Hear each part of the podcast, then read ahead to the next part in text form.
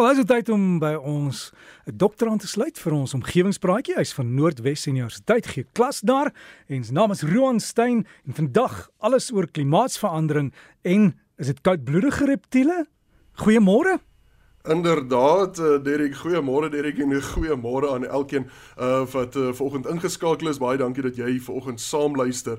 Nou Derek, ons het al in die verlede breedweg gesels oor die impak van klimaatsverandering um op ons omgewing en dit is eintlik moeilik om uh, om as dit ware 'n top 10 lys op te stel van die grootste impakte van klimaatsverandering, maar daar is oor die algemeen konsensus wat sê dat uh, as gevolg van klimaatsverandering daar meer intens en meer gereelde natuurrampe gaan gebeur soos oorstromings en uh, hittegolwe en droogtes en storms ensovoorts.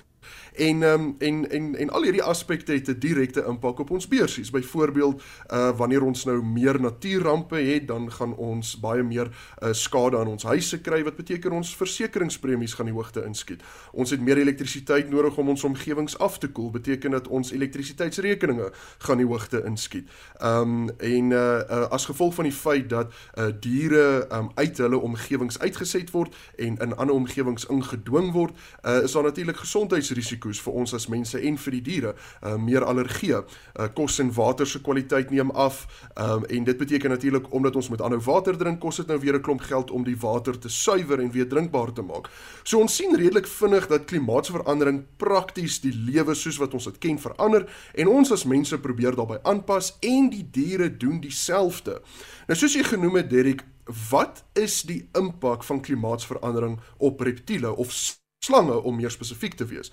Nou net voor ons daarby uitkom, wil ek net graag um, Bergman se beginsel deel of Bergman se reël hang af natuurlik waar mense nou geleer het.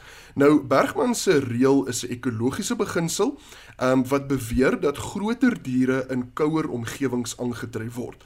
Nou hierdie is net 'n hipotese wat gemaak word uh, deur die Duitse bioloog Karl Bergman en ek dink dit was uh, in die vroeë 1800s as ek reg onthou gepubliseer en uh, wat 'n mens nou moet doen is jy moet nou uitgaan in die regte lewe en gaan kyk um, of dit wel die geval is en dit lyk asof Bergman se reël wel water dra in baie gevalle maar daar is ook natuurlik uitsonderings wat sal die lewe natuurlik nou wees sonder sy uitsonderings byvoorbeeld dit lyk asof Bergman se reël wel geld vir voëls interessant genoeg alhoewel dit aanvanklik net vir soogdiere gepostuleer is. Uh byvoorbeeld daar was 'n studie gedoen in 2021, ja, laas jaar, um wat die beenstrukture van voëls bestudeer het.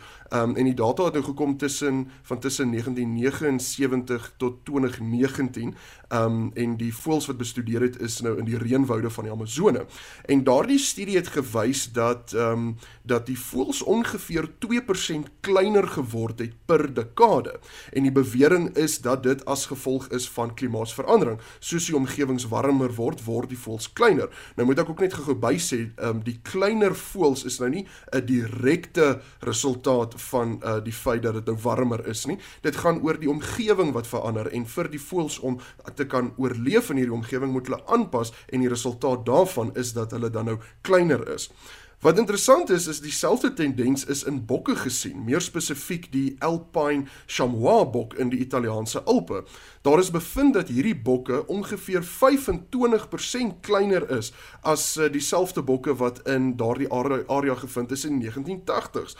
Nou die groot vraag is waarom sou temperature um 'n uh, invloed hê op die grootte van hierdie bokke. En die dierkundiges wat hierdie studie gedoen het, is baie geïnteresseerd oor baie uh, twee baie spesifieke dinge uh van hierdie tendens. Eerstens, um dat dit so vinnig gebeur het. As 'n mens kyk um, uh, op 'n evolusionêre skale, dan is 40 jaar verskriklik kort. Dis glad nie lank nie. En tweedens, die bokke is definitief nie kleiner as gevolg van 'n tekort aan kos nie.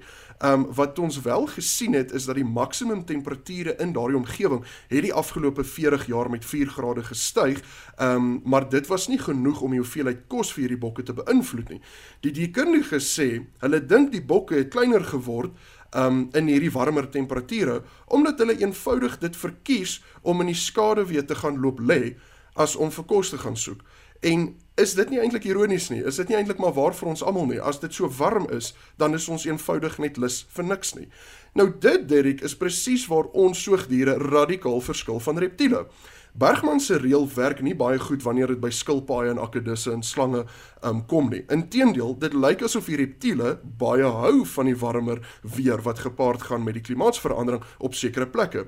Um daar is 'n baie interessante studie laas jaar Junie gepubliseer wat daarop wys dat slange, ekskuus Derek, Slange gaan glad nie kla oor klimaatsverandering nie. Die studie is spesifiek gedoen op ratelslange en hulle is baie goed met uh, termiese regulasie. Nou die navorsers het uitgevind dat ratelslange verkies 'n liggaamstemperatuur van amper 32 grade Celsius, um, maar uh, dat hulle werklike liggaamstemperature so laag is as 21 um, grade Celsius. Nou net soos 'n interessante kantlyn feit Derek, uh, toe ek aanvanklik die artikel gelees het, dan staan daar, um, ek dink die presiese woorde was dat um, wanneer die slange 'n keuse gegee word, verkies hulle 'n hoër liggaamstemperatuur. En toe don, wonder ek nou net by myself, hoe is hierdie keuse vir hierdie slange gegee en hoe is hierdie keuse uitgevoer? Maar dit is eintlik baie eenvoudig. Daar is 'n uh, uh, kunsmatige habitatte opgestel op verskillende temperature en dan uh, sien hulle nou maar net dat die slange verkies een habitat bo die ander habitat. Nou daar is 'n baie goeie redes waarom die slange nooit hulle verkose temperatuur behaal in die natuur nie en dit is as gevolg van ekologiese ekologiese gevare. Ehm um, hulle kan nie lank genoeg in die son lê en bak voor hulle moet wegskarrel uh, vir 'n roofdier nie. Nou 'n warmer klimaat sal wonderlik wees vir slange aangesien hoër temperature baie meer optimaal is vir hulle vertering van voedsel en voortplanting. Um as daar langer periodes is van warmer temperature, beteken dit spesifiek nou uh vir die ratelslange dat hulle baie langer aktiewe seisoen kan geniet. Um dit gee hulle meer tyd om kos te vang en te eet. En die rede hiervoor is juis omdat hulle koudbloedig is, soos wat jy vroeër genoem het, Derek. Slange gebruik die omgewing om hulle eie temperatuur te reguleer en kouer weer veroorsaak minder aktiwiteit uh, aktiwiteit en warmer weer veroorsaak nou weer meer aktiwiteit.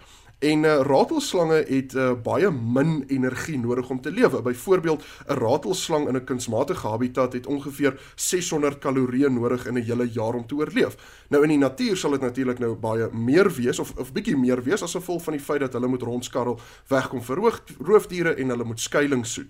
soek. Nou, die onheilspellende insinuasie Derek is dat slange kan dan in beginsel groter word soos klimaatsverandering vererger in die volgende paar dekades. Ehm um, hulle is vir langer tye aktief. Hulle uh hulle gaan dalk kyk uh om meer te vreet. Ehm um, hulle uh, het dalk 'n uh, warmer klimaat is dan baie gunstig vir voortplanting en in dieselfde asem is die insinuasie ook dat volgens Bergman se reël ehm um, dat soogdiere al hoe kleiner gaan word as gevolg van die warmer klimaat as gevolg van klimaatsverandering. Nou Derek, ek weet slange het 'n baie belangrike rol om te speel in ons natuur. Eh, niemand betwis dit nie. En die omgewing het hulle nodig maar ook Kersmense. Ek weet daarom nie of ons groter slange regtig nodig het nie. So ten slotte Derek, vir ingeval iemand daar buite is wat dalk nog 'n rede het om uh beter na die om, uh, nog 'n rede nodig het om beter na die omgewing te kyk, um, om kweekhuisgasse te verminder, om meer hernubare kragbronne te gebruik, Laat hierdie enorme toekomstige slange jou asseblief oortuig vir ons almal se beswil. Dankie Dirk. Ja, en en Roan is 'n klein huisslangetjie, weet die daai breinetjies. As hy so groot word soos 'n anaconda, dan het jy 'n probleem. En slange is maar altyd daar in jou omgewing want daar's kos vir hom. So wees dankbaar hulle kom vang die muise. In inderdaad Derek, jy jy's heeltemal reg. Die die slange speel 'n verskriklike groot rol, 'n belangrike rol in die ja. voedselketting. Ehm um, maar uh, ek dink regtig nie ons het nodig om anacondas in Empire weg te hê nie. en jy het hierdie gesprek van ons nou opgeneem op video, né?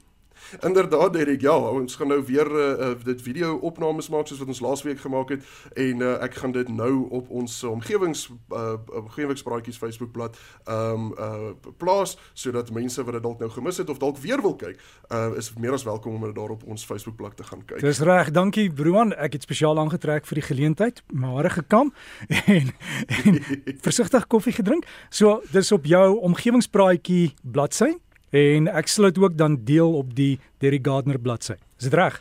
Dit is 100% vreeslik dankie Derek. Dit is uitstekend. Jy moet 'n heerlike naweek verder hê.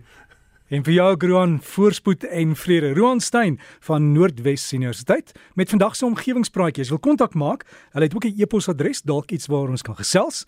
Is omgewing by rsg.co.za.